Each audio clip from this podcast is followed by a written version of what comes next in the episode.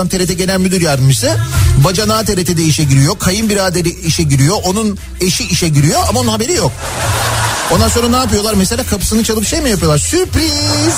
Biz de TRT'de başladık. Adana'da bir YouTuber arkadaşını direğe bantla bağlamış. Tokat atan 1 lira, kafasında yumurta kıran 5 lira kazanır demiş. İstanbul Beyoğlu'ndan gelen bir haber var mesela. Beyoğlu'nda Filistinli turistin telefonunu çalan Tunuslu yakalandı. İşte Beyoğlu'nun geldiği durumu en güzel anlatan Daiki'nin sunduğu Nihat'la muhabbet Hafta içi her sabah saat 7'den 9'a Türkiye'nin en kafa radyosunda. Benzersiz tasarruf teknolojileriyle performansı ve tasarrufu yüksek Daikin yeni nesil akıllı kombi Nihat'la muhabbeti sunar.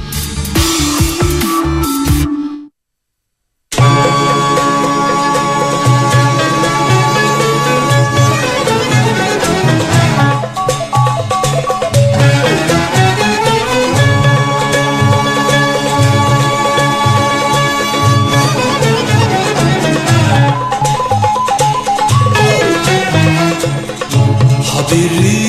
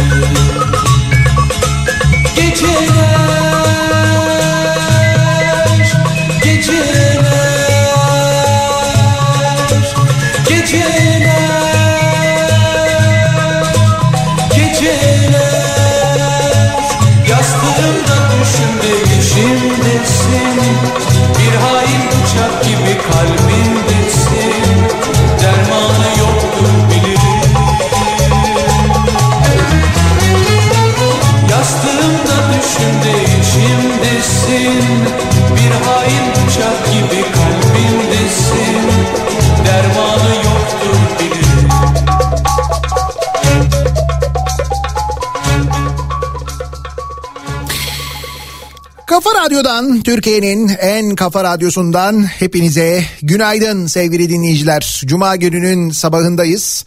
Tarih 17 Şubat 7'yi 10 dakika geçiyor saat ve dünyanın ve Türkiye'nin dört bir yanına sesleniyoruz.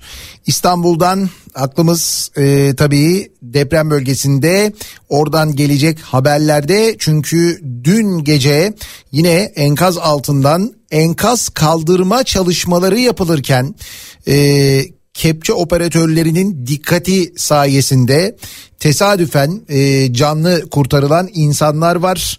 Deprem felaketinde 12. gündeyiz ve dün e, gece e, yine e, zannediyorum 4 kişi daha e, kurtarıldı canlı olarak kurtarıldı enkaz altından çıkarıldı. Artık gerçekten e, mucize kabiliğinden gerçekleşen şeyler bunlar. E, ve dün de benzer şeyler yaşandı. 12. gündeyiz e, ve bölgeden haberler gelmeye devam ediyor biz de neler olup bittiğine bakıyoruz tabii e, bizim konuştuğumuz aktardığımız haberler burada konuştuklarımız öyle e, televizyonlarda falan duyduğunuz haberler gibi değil.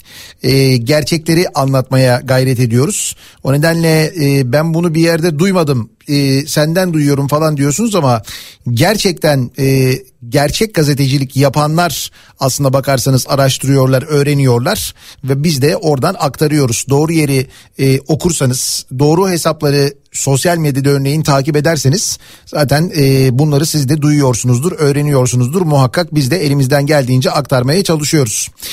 Üniversitelerin kapanması, daha doğrusu üniversitelerin uzaktan eğitime geçmesi Böyle bir karar alınmıştı hatırlayacaksınız depremzedeler e, Kredi Yurtlar Kurumu yurtlarına yerleşsin diye böyle bir karar alınmıştı ve bununla ilgili çok ciddi bir e, tartışma vardı. O tartışma devam ediyor.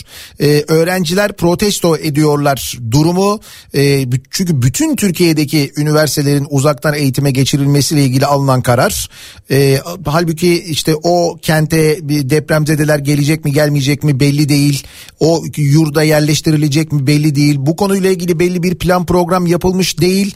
Buna rağmen e, paldır küldür böyle bir karar alınmış. Hatta Kredi Yurtlar Kurumu yurtlarındaki öğrencilerin eşyaları apar topar toplanmış. Hatta yurtta kalan öğrenciler polis zoruyla dışarı çıkarılmıştı. Böyle şeyler yaşandı. Tabii büyük tepki var bununla alakalı. Şimdi bu karardan geri dönüleceğiyle ilgili iddialar var. Ee, Fatih Altaylı e, dünkü yazısında karardan geri adım atıldığını söylemiş. Yazısında üniversitelerin kapatılmasına ve yurtların boşaltılmasına karşı tepkiler yükselince yanlıştan dönülme kararı alındığı bilgisi geldi diyen Altaylı üniversiteleri açacaklarmış ancak bunu hemen yapıp hata etmişiz dememek için bir süre bekleyecekler galiba ama açacaklar ifadesini kullanmış. Ne olacağını neler olacağını hep beraber göreceğiz ama böyle bir iddia var. Bu arada e, tabii bu öğrenciler Kredi Yurtlar Kurumu'ndaki öğrenciler böyle apar topar çıkartılırken sadece öğrenci yurdu buralarda mı var? Bir de tabii e, bu vakıfların öğrenci yurtları var değil mi? İşte o yurtlarda var mı böyle bir plan böyle bir hazırlık böyle bir şey diye bakıyoruz. Yok aklımıza bu soru geliyor. Nitekim CHP'li Özgür Karabat AKP'nin ani şekilde e, yurtlara Kredi Yurtlar Kurumu yurtlarına depremzedeleri yerleştirme kararı almasını ancak kendisine yakın vakıfların yurtlarını bu karara dahil etmemesini eleştirmiş. Karabat TÜGVA'nın 26, TÜRGEV'in 21, İlim Yayma Cemiyeti'nin 178, Ensar Vakfı'nın 62 yurdu var. Bu yurtlar depremzedelere neden açılmıyor diye sormuş. Ee, doğru da bir soru ama var mı bu konuyla ilgili bir gelişme yok. Şimdi işte dediğim gibi bir tartışma bir yandan devam ediyor. Bakalım sonuç ne olacak? Gazete Pencere'ye bakalım. Her zaman yaptığımız gibi ilk olarak e, AFAD dünyadan bir haber manşetiyle çıkmış. Bugün Gazete Pencere sevgili dinleyiciler. Depremin 11. gününde arama kurtarma faaliyetlerine son verildiğini AFAD Deprem ve Risk Azaltma Genel Müdürü Orhan Tatar açıklamış. Tatar katıldığı televizyon yayınında enkaz kaldırma çalışmalarına başlandığını, altında canlı olan enkaz kalmadığını açıklamış. Tatar altında cenaze bulunan enkazlara dokunulmadığını da söylemiş. Ve tam da o açıklamanın yapıldığı saatlerde Kahramanmaraş'ta arama kurtarma ekipleri 250'nin üzerinde insanın hayatını kaybettiği Ebrar sitesinde bir depremzedeyi enkaz altından kurtarmak için yoğun gayret içerisindeymiş. O gayret depremin 258. saatinde sonuç vermiş. 42 yaşındaki depremzede Neslihan Kılıç enkaz altından canlı olarak kurtarılmış. Yani yok artık canlı bakmıyoruz aramıyoruz artık enkaz kaldırıyoruz diyor AFAD. Bu sırada canlı insanlar kurtarılıyor. E, 258. saatte 260. saatte e, gelen böyle haberler var. Bunlar artık gerçekten de e, mucize. Yani öyle şeyler yaşanıyor ki bakın e, biz mezarını kazmıştık artık e, şimdi ona kavuştuk diye e, anlatmışlar. E, her biri 8 katlı olan 12 bloğun yerle bir olduğu Ebrar sitesinden canlı olarak kurtarılan Neslihan Kılıç'tan ailesi umudunu kesmiş, mezarını bile hazırlatmış. 258 saat sonra enkazdan çıkarılan Kılıç hastanede yoğun bakıma alınmış. Ee, Sütçü İmam e, Hastanesi Tıp Fakültesi e, Tıp Fakültesi öğretim üyesi Doktor Muhammed Semih Gedik Kılıç'ın bilincinin yerinde olduğunu ilk olarak ailesinin durumunu sorduğunu söylemiş. Hastanın Ankara'ya sevk edilebileceği de açıklanmış aynı zamanda. Yine 17 yaşındaki Aleyna Ölmez 248. saatte madenciler tarafından enkazdan sağ çıkarılmış. Ee, Kahramanmaraş'ta kurtarma çalışmalarına katılan madenciler Aleyna'nın enkaz kontrol edilirken fark edildiğini söylemiş. Ee, tedaviyi üstlenen Profesör Doktor Dilber ilk geldiğinden beri şuuru açıktı. Ee, demiş 248 saat boyunca hiçbir şey yemeden ve içmeden hayatta kalmış 17 yaşındaki Aleyna. Milletin kesesinden hayırseverlik. Dün gün boyu konuştuğumuz muhtemelen sizin de e, eşinizle dostunuzla arkadaşlarınızla konuştuğunuz konu. Bir gece önceki bu e, deprem e, yardım programı ve oradaki o rakamlar havada uçuşan milyarlar. Fakat tam da bizim konuştuğumuz gibi bir tespit var. İşte Türkiye'deki televizyonların ortak yayın ile düzenlenen ve Türkiye'ye tek yürek adı verilen yardım kampanyasına eli açık devlet kuruluşları damga vurdu. Geceye gecede toplanan bağış 115 milyar lira olarak açıklandı. Bunun 90 milyar lirayı aşan bölümü ise kamu kuruluşları ya da devletin kontrol ettiği şirketlerden geldi. Devlet kesesinden yapılan hayır geceye ilişkin tartışmaların kilitlendiği nokta oldu diyor gazete pencere. Ama dediğimiz gibi e, bu paralar aslında yani devlet kuruluşlarının e, bağışladığı paralar aslında sizin benim paramız. Yani vergi ödeyen insanların yani deprem bölgesinde yaşayan ve vergi ödeyen insanların parası. Onların parasını onlara e, böyle bağışlamak. Yani gerçekten de sürekli böyle bağış kelimesinin kullanılması hatta orada baya böyle bir yani sadaka veriliyormuş gibi hareket edilmesi gerçekten inanılmaz. Kaldı ki 90 milyarı devlet kuruluşlarından deniyor. Bu 115 milyarın. Şimdi bu 115'ten 90'ı düşün. 25 milyar lira kalıyor geriye. Bunlar o esnada yatırılan paralar değil. Ee, SMS'leri hariç tutuyorum. Çünkü onları gönderdiğinizde direkt bağışı yapmış oluyorsunuz tamam. Ama bir de böyle hani arayıp şu kadar vereceğiz bu kadar vereceğiz diyenlerin geçmişte e, sonrasında o paraları e, yatırmadığını e, gördük. Çünkü o anda yatırmıyorlar. O anda arıyorlar ve diyorlar ki işte ben 100 bin lira verdim. Ben 150 lira verdim. Ben 50 bin lira verdim. Hatta ben 50 milyar verdim falan diye ortalığı karıştıranlar da oluyor. Yanlışlıkla böyle söyleyip. Ama netice itibariyle o esnada orada söyleniyor. O para o anda yatmıyor. Nitekim e, daha önce Van depremi sonrasında yapılan mesela en yakın tarihte onu hatırlıyorum ben. Böyle bir bağış programında söz verenlerin yarıya yakın yakını yani orada böyle ismi zikredilenlerin ben şu kadar bağış yapıyorum diyenlerin yarıya yakını neredeyse o paraları yatırmamışlardı. Bu e, listenin aslına bakarsanız yayınlanması lazım. Yani işte şu kişi aradı bu kadar e, bağış yapacağını söyledi diye yani yazılı olarak bir yerlerde örneğin internette yayınlanması lazım ve yani bunu bir e, böyle sadece canlı yayın yapıp televizyonlara bütün televizyonlardan canlı yayınlayıp bütün radyolardan canlı yayınlatmak Hatta böyle biraz da zorla ya- yayınlatmak yerine e, bununla uğraşmak yerine bu vakte kadar bir internet sitesi kurulaydı. O internet sitesinde bu isimler yazılaydı. E, paraları işte dünden sonra paraları yatıranlar o arayıp söz verip parayı yatıranların yanına yazılsaydı işte gerçekleşti ödeme falan gibi öyle bir şey yapılaydı keşke değil mi? Ama böyle olmuyor her seferinde görüyoruz. Ee, ahbap tartışması e, bir yandan devam ediyor. Son derece lüzumsuz bir tartışma ama öyle.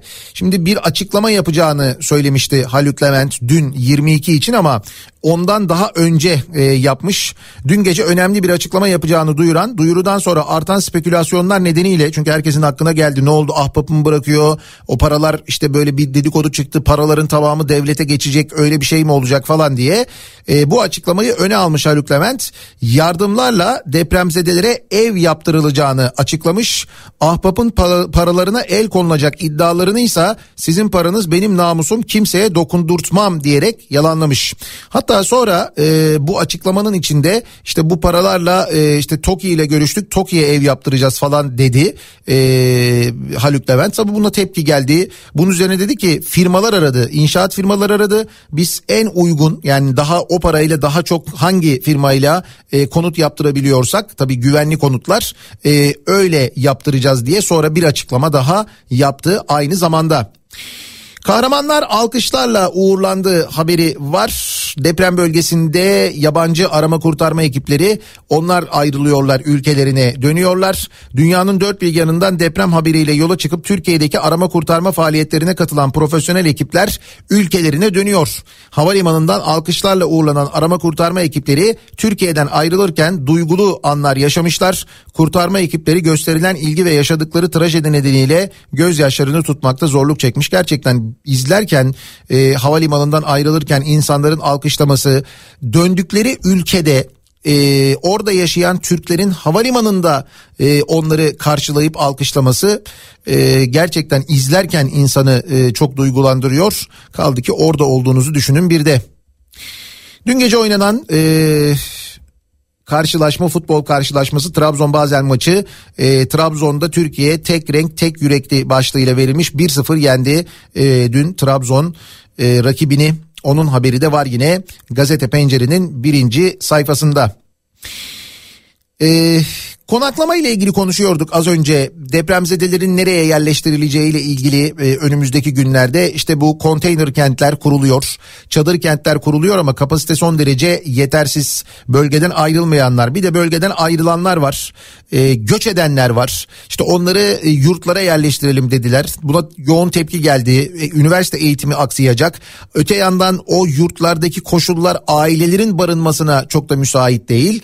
İşte tam bu tartışmalar devam ederken bakın gelen habere Tarım Orman İş Sendikası Başkanı Durmuş e, bir açıklama yapmış Şükrü Durmuş. Demiş ki e, depremzedeler kalacak yer ararken iktidar partisinin milletvekilleri Orman Genel Müdürlüğü misafirhanesini işgal etmeye devam ediyor. Sırf koltuğunuzun uğruna bu kurumun imkanlarını birilerine peşkeş çekemezsiniz demiş. Bakınız Ankara'da neler oluyor. Bunları Tarım Orman İş Genel Başkanı Şükrü Durmuş'un açıklamasından öğreniyoruz. Orman Genel Müdürlüğü misafirhanesinin depremzedelere açılmadığını belirterek başta meslektaşlarımız olmak üzere onlarca aile Ankara'da kalacak yer ararken ne yazık ki iktidar partisinin milletvekilleri bu kurumun odalarını işgal etmeye devam ediyor. Bu suçtur, insanlık suçudur. Ee, başta meslektaşlarımız olmak üzere sokakta yaşayan insanlara bu misafirhane açılmalıdır demiş. Orman Genel Müdürlüğü misafirhanesi birkaç yıldır ne yazık ki bazı milletvekilleri birkaç yıldır diyor bu arada bazı milletvekilleri ve danışmanlarına tahsis edilmiş durumda. Bir de milletvekillerinin danışmanları aynı zamanda. Şu anda 20 oda büyük bir çoğunluğu kapalı olmasına rağmen depremzedelere açılmamakta. Birkaç depremzede şu anda konuk ediliyor ama başta meslektaşlarımız olmak üzere onlarca aile Ankara'da kalacak yer ararken ne yazık ki iktidar partisinin milletvekilleri bu kurumun odalarını işgal etmeye devam ediyor. Buradan uyarıyoruz. Sorumluluğu olanlar derhal en kısa sürede bu odaları boşaltmalı. Sokaklarda yaşayan başta meslektaşlarımız olmak üzere onlara bu misafirhane açılmalıdır demiş. Kimmiş acaba bu milletvekilleri keşke öğrenebilsek. Yani hangi milletvekilleri Orman Genel Müdürlüğü'nün misafir hatta danışmanları e, hangi milletvekillerinin danışmanları bu Orman Genel Müdürlüğü misafirhanesinde kalıyorlarmış. Biz böyle depremzedeler için kalacak yer ararken Az önce e, Ebrar sitesinden bahsetmiştik değil mi? Ondan konuşmuştuk. İşte dün gece e, bir kişinin e, canlı kurtarıldığı o Ebrar sitesinde bakın e, dün ne yaşanmış? E, Kahramanmaraş'ta bu Ebrar sitesi. Şimdi bu tabii bu şehirlerin yani büyük yıkımların gerçekleştiği şehirlerde yıkılan e, binalarla ilgili konuşuyoruz. Bunların müteahhitleriyle ilgili konuşuyoruz. Müteahhitler yakalanıyor, kaçarken yakalanıyor, gözaltına alınıyor, tutuklananlar var. E, peki bu binaları denetleyenler, bu binalara izin verenler mesela bunların içinde belediyeler ve belediyelerin başkanları var. Bunlarla ilgili şu ana kadar alınmış bir karar, bir tasarruf yok farkındaysanız. İstifa eden e, bir belediye başkanı da yok. Hani mesela ben e, yani ben sorumluyum, utandım bu durumdan falan diyen de yok. Öyle bir şey de yok. E, ne olacak diye biz düşünürken yani neden mesela yetkililere dokunulmuyor, görevlilere, devlet görevlilerine dokunulmuyor diye düşünürken AKP'li Kahramanmaraş Belediye Başkanı Hayrettin Güngör en büyük yıkımın gerçekleştiği şehirlerden bir tanesi Kahramanmaraş değil mi? Deprem bölgesinde kendisine soru sormak isteyen Fox TV muhabirinin sorularını görmezden gelerek cevap vermemiş. Hatta o sırada Güngör'e 4 enkazım var diye tepki gösteren bir yurttaşı Güngör'ün korumaları iteklemiş. Yani depremzedeye bu muamele yapılıyor. Televizyonda izlediniz mi bilmiyorum. İnternette de görürsünüz. Görüntüleri var. Güngör yani Kahramanmaraş Belediye Başkanı Hayrettin Güngör. Bakın ismini de böyle yeni yeni duyuyoruz farkındaysanız. Deprem bölgesinde kendisine soru sormak isteyen Fox TV muhabirinin ki zannediyorum Gülşah İnce'ydi e, Fox TV muhabiri. Sorularını görmezden gelmiş.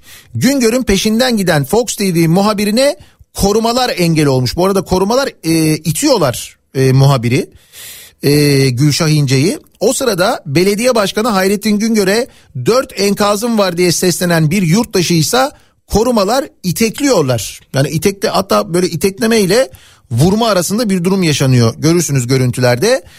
Dolayısıyla depremzede bu yurttaş neden vuruyorsun bana kime vuruyorsun diye tepki gösteriyor. Bu görüntüleri izleyebilirsiniz sevgili dinleyiciler. Bırakın belediye başkanlarının görevden alınmasını, istifa etmesini, ee, yani zaten hiç yok biliyorsunuz sıfır şu ana kadar istifa.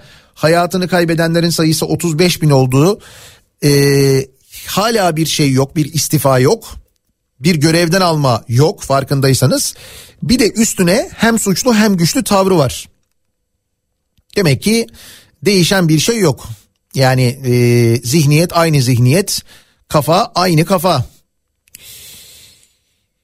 Ve yine e, yıkılan binalarla ilgili gelen bilgiler. Yani hakikaten inanılmaz şeyler. Şimdi bundan sizin benim haberimizin olması mümkün değil. Bunu denetleyen e, kurumlar var. En başta bir kere belediyeler. E, hani denetlemeleri lazım. Diyeceksiniz ki nereden haberi olacak canım? Onun görevi o zaten. Mesela gidecek denetleyecek. E, diyelim haberi yok. Ama gidip siz haber verdiniz dediniz ki ya e, kreş yapmak için kolonlarını kestiler binanın dediniz. Şimdi bu durumda da bir müdahale olur değil mi? Peki bakalım ne olmuş? Antakya'da 78 kişiye mezar olan sitenin kolonları kreş yapmak için kesilmiş sevgili dinleyiciler.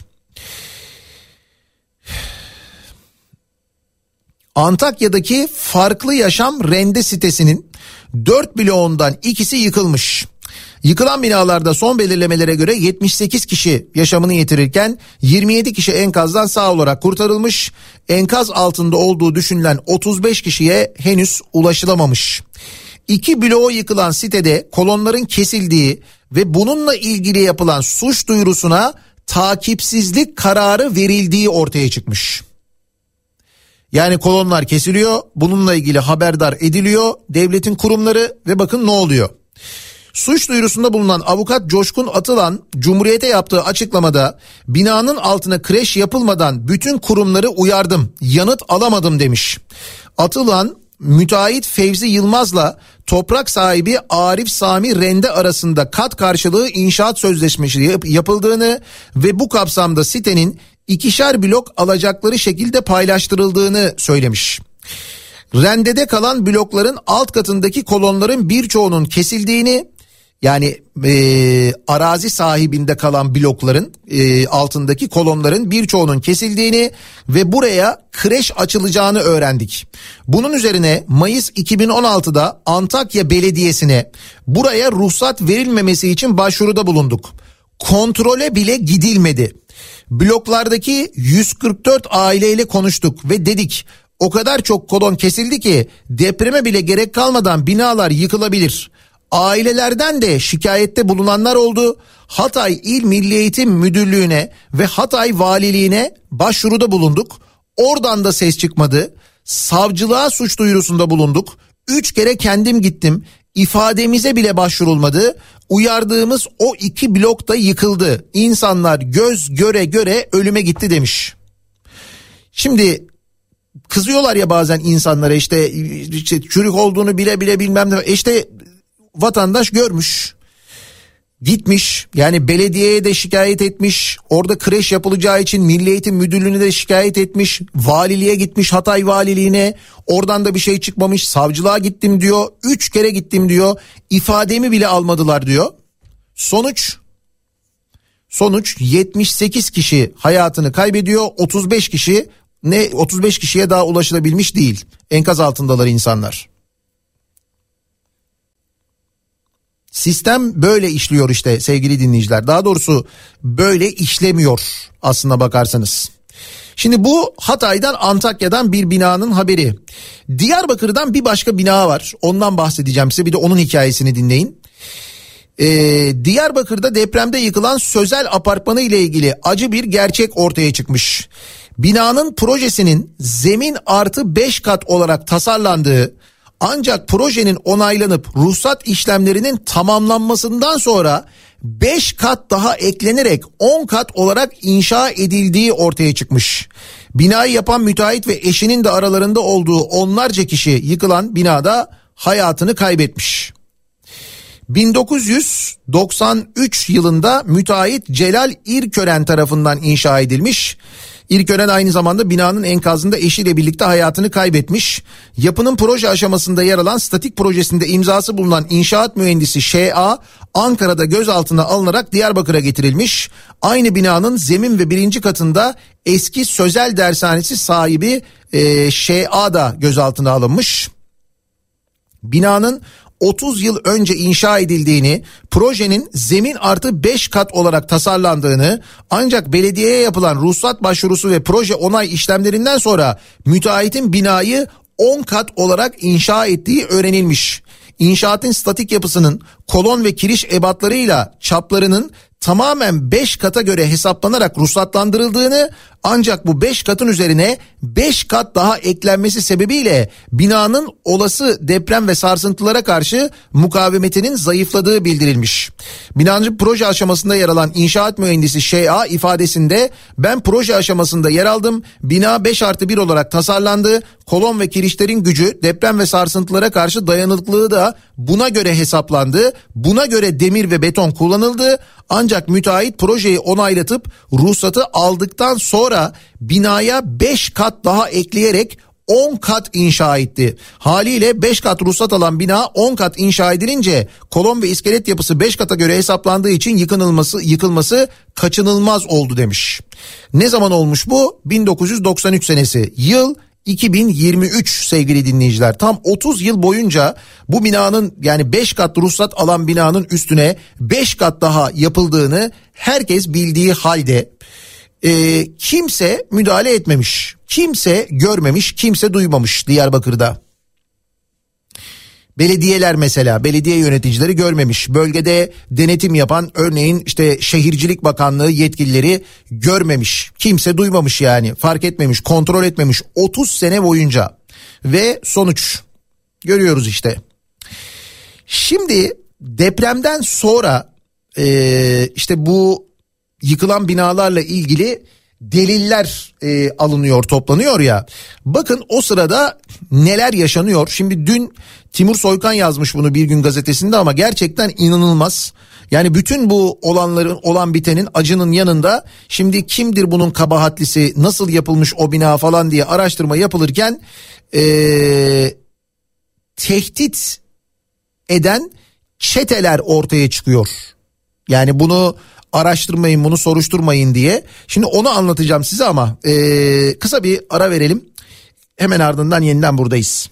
İkindi vakitlerinde akşam safaları Kapı muhabbetlerinde komşu cefaları Yan gelip de yattığım taşlar Sabaha karşı camlarda sarhoş nidaları Etine dolgun dulların genç kız edaları. Yem verip sevaplandığım kuşlar.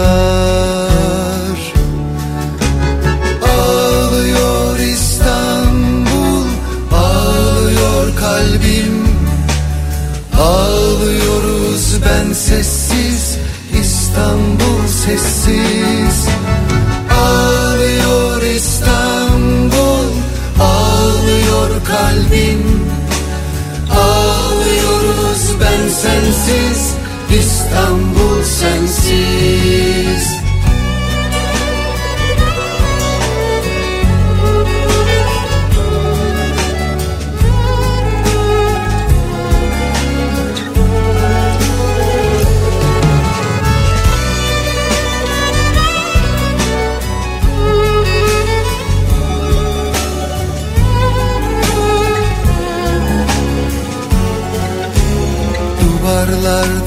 silinmiş elin tenin kokun. Besbelli unutulmuş yolu İstanbul'un. Selamı kesti arkadaşlar. Ağlarım odalarda ben kendi halime sen karşı kıyılarda İstanbul nafile. Böyle mi biterdi eski aşklar? Ağlıyor İstanbul Ağlıyor kalbim Ağlıyoruz ben sessiz İstanbul sessiz. Ağlıyor İstanbul Ağlıyor kalbim Ağlıyoruz ben sensiz. İstanbul sensiz. Ağlıyor İstanbul. Ağlıyor kalbim Ağlıyoruz ben sessiz. İstanbul sessiz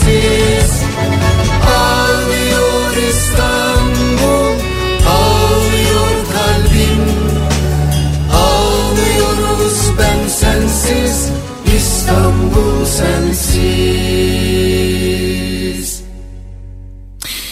Kafa Radyo'da devam ediyoruz yayınımıza ve deprem bölgesinden haberler aktarmaya devam ediyoruz. Açıklanan son resmi can kaybı 38.044 sevgili dinleyiciler. Türkiye Cumhuriyeti tarihinin gelmiş geçmiş en büyük can kaybı bu.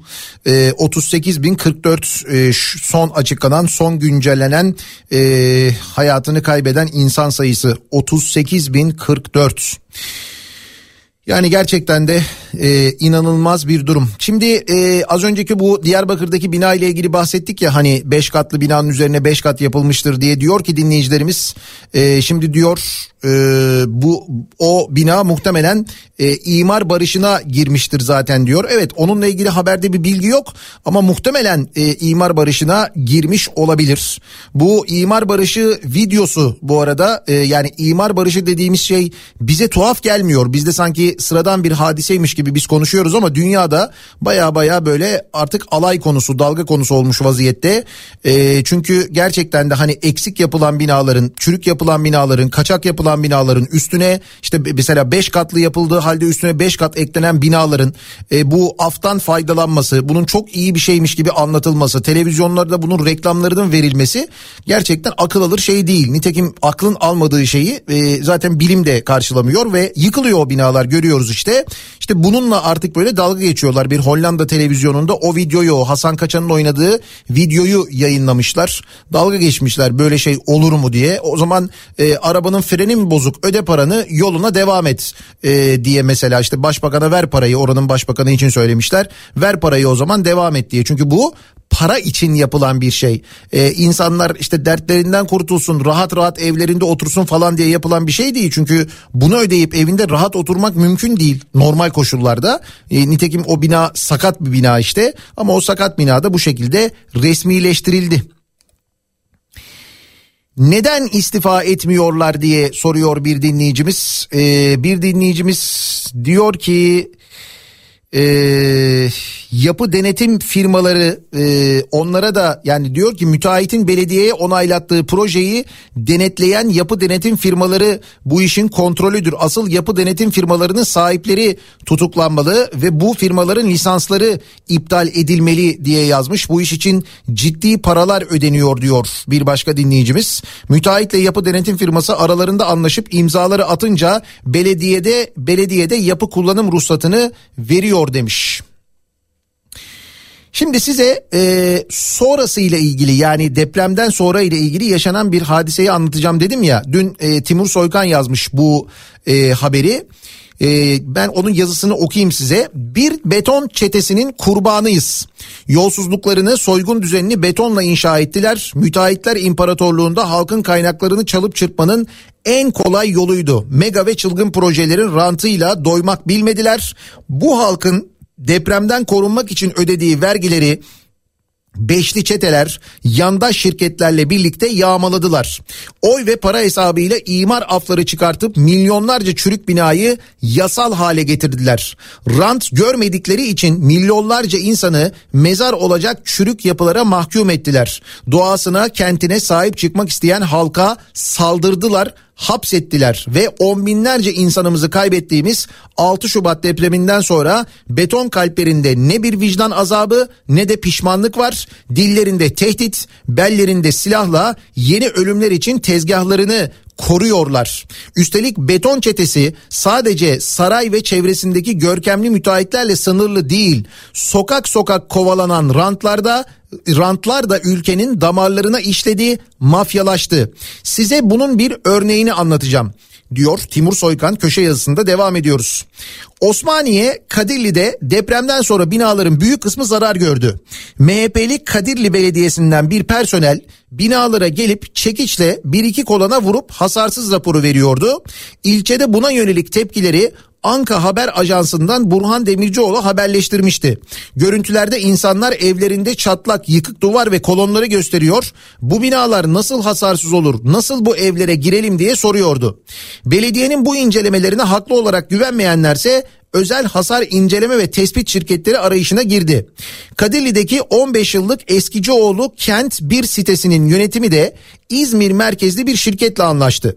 Beyoğlu Kentsel Dönüşüm Riskli Yapı Tespiti İnşaat Mimar Mühendislik Şirketi'nden 3 mühendis Kadirli'ye gelerek 6 blokta 60 konutun bulunduğu sitenin bütün donatı tespitlerini yaptı. Birçok mühendislik firmasının bir araya geldiği şirket site yönetimine güven vermişti. Binaların betonarme statik projelerini alan mühendisler binaların yapım yılındaki teknik şartnameye ve yönetmeliğe uygun olarak yapılıp yapılmadığını kontrol edecekti. Binaların demir donatılarının projeyle aynı olup olmadığına bakacaklar. Kolon ve kirişlerin bağlantılarını değerlendireceklerdi.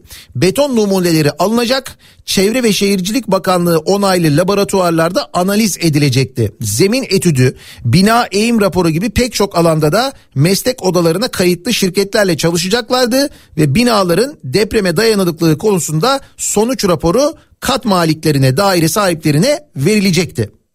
Ancak mühendisler 12 Şubat günü çalıştıktan sonra telefonlarına tehditler yağdı. İddiaya göre arayanlar 15 yıllık binaları incelersen öldürürüz demişti. Sonunda şirket site site yönetimine ölümle tehdit ediliyoruz dedi ve aldığı parayı iade ederek Kadirli'den ayrıldı. Sitede yaşayanların iddiasına göre müteahhitler ve belediyede yuvalanmış bir çete şirketi tehdit etmişti. Şirketteki bir mühendis İzmir'e döndükten sonra Osmaniye Kadirli Başsavcılığına gönderilmek üzere İzmir Adliyesi'nde suç duyurusunda bulundu. 14 Şubat 2023 yani depremden sadece 8 gün sonra yapılan suç duyurusundaki suçlama ölümle tehdit ve hakaretti. Şirketin çalışma biçimi ve Kadirli'ye gelişlerini anlatan suç duyurusu şöyle devam etti. Daha önce hiç bilmediğimiz ve tanımadığımız bazı telefon numaraları bizi arayarak bölgede son yıllarda yapılan 15 senelik binalara kadar girmemi, girmemiz konusunda bizi ölümle tehdit ettiler. Tahminimizce müteahhit firma olarak değerlendirdiğimiz ya da çalışma yapacağımız binalarda eksiklerini tespit etmemizden korkanlar bizi tehdit etti.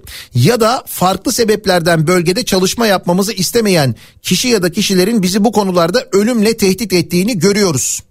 Suç duyurusuna tehdit aramalarını yapan ve Osmaniye'nin telefon koduyla başlayan 3 numarada eklendi. Ayrıca gizli bir numaradan arayarak ölüm tehditleri savrulmuştu. Şikayette 12-14 Şubat tarihleri arasında 32 kez tehdit telefonu geldiği ifade edildi. Site yönetimine paranın iade edilerek bölgeden ayrıldıklarını anlatan şikayetçi mühendis Kadirli'de başka sitelerin hasar tespiti işini de aldıklarını ama bunlara da başlayamadıklarını yazmış. Müteahhitler ve ortağı çeteler insanlara mezar olacak evler yapmakla yetinmiyor. İnşa ettikleri binalardaki suçları örtmek için tehditler savuruyorlar. Türkiye'de insanlar depreme, ölüme böyle mahkum ediliyor diye yazmış Timur Soykan köşesinde sevgili dinleyiciler. Yani bakınız depremden sonra hakkını aramak isteyen oturdukları evler sağlam mı değil mi diye kontrol etmek isteyenlerin başına bir de bunlar geliyor. Ne ala memleket değil mi? Gazetelere bakalım bir yandan. Ee, gazete pencerenin haberlerine bakıyorduk. Ee, az önce e, muhalefetten iktidara gerçekleri örtemezsin tepkisi gelmiş. Meral Akşener e, ha, radyo te, radyo ve televizyon üst kurulunun deprem yayınlarının ele alınacağı bugünkü toplantısı öncesinde muhalefetten ard arda yapılan açıklamalarla iktidar uyarılmış. Haber alma hakkının anayasal bir güvence olduğuna işaret edilerek ne yaparsanız yapın gerçekleri örtemezsiniz denilmiş. İktidar Rütük üzerinden müdahaleye hazırlanıyor demiş Meral Akşener. Haber suç değildir. Hiç kimse unutmamalıdır ki özgür medya bir gün herkese lazımdır. Bazı yayınlara dair eleştiri hakkımı hakkı tutarak hatırlatmak isterim ki felaketin boyutlarını gözler önüne seren yayınlar suç değil olsa olsa durum tespitidir. Aba altından sopayı ya da cezayı değil takdiri hak ediyor demiş. Bunun üzerine e, Rütük'ten yanıt gelmiş.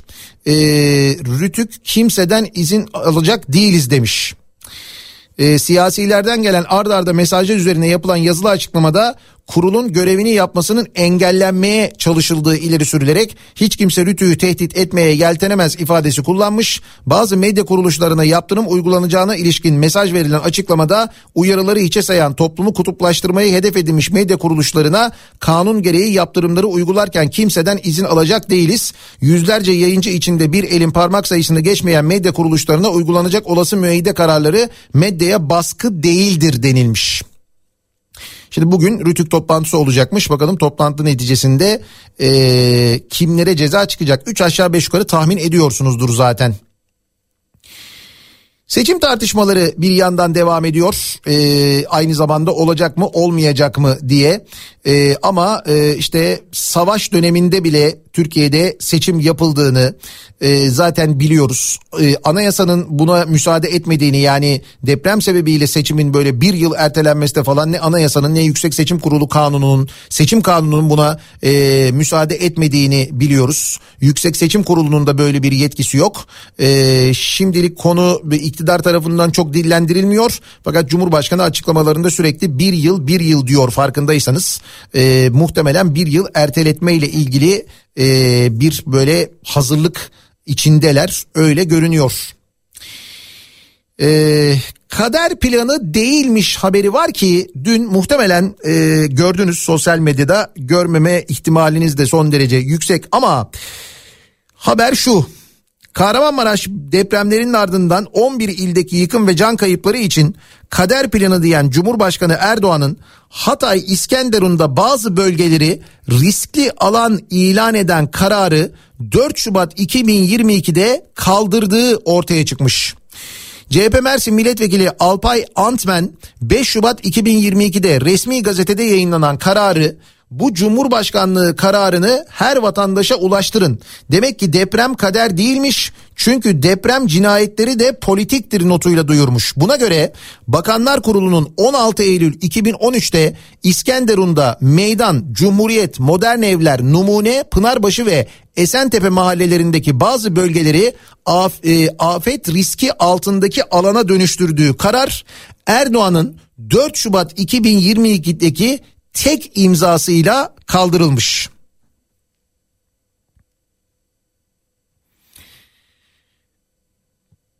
Şimdi bunun üzerine ne denir?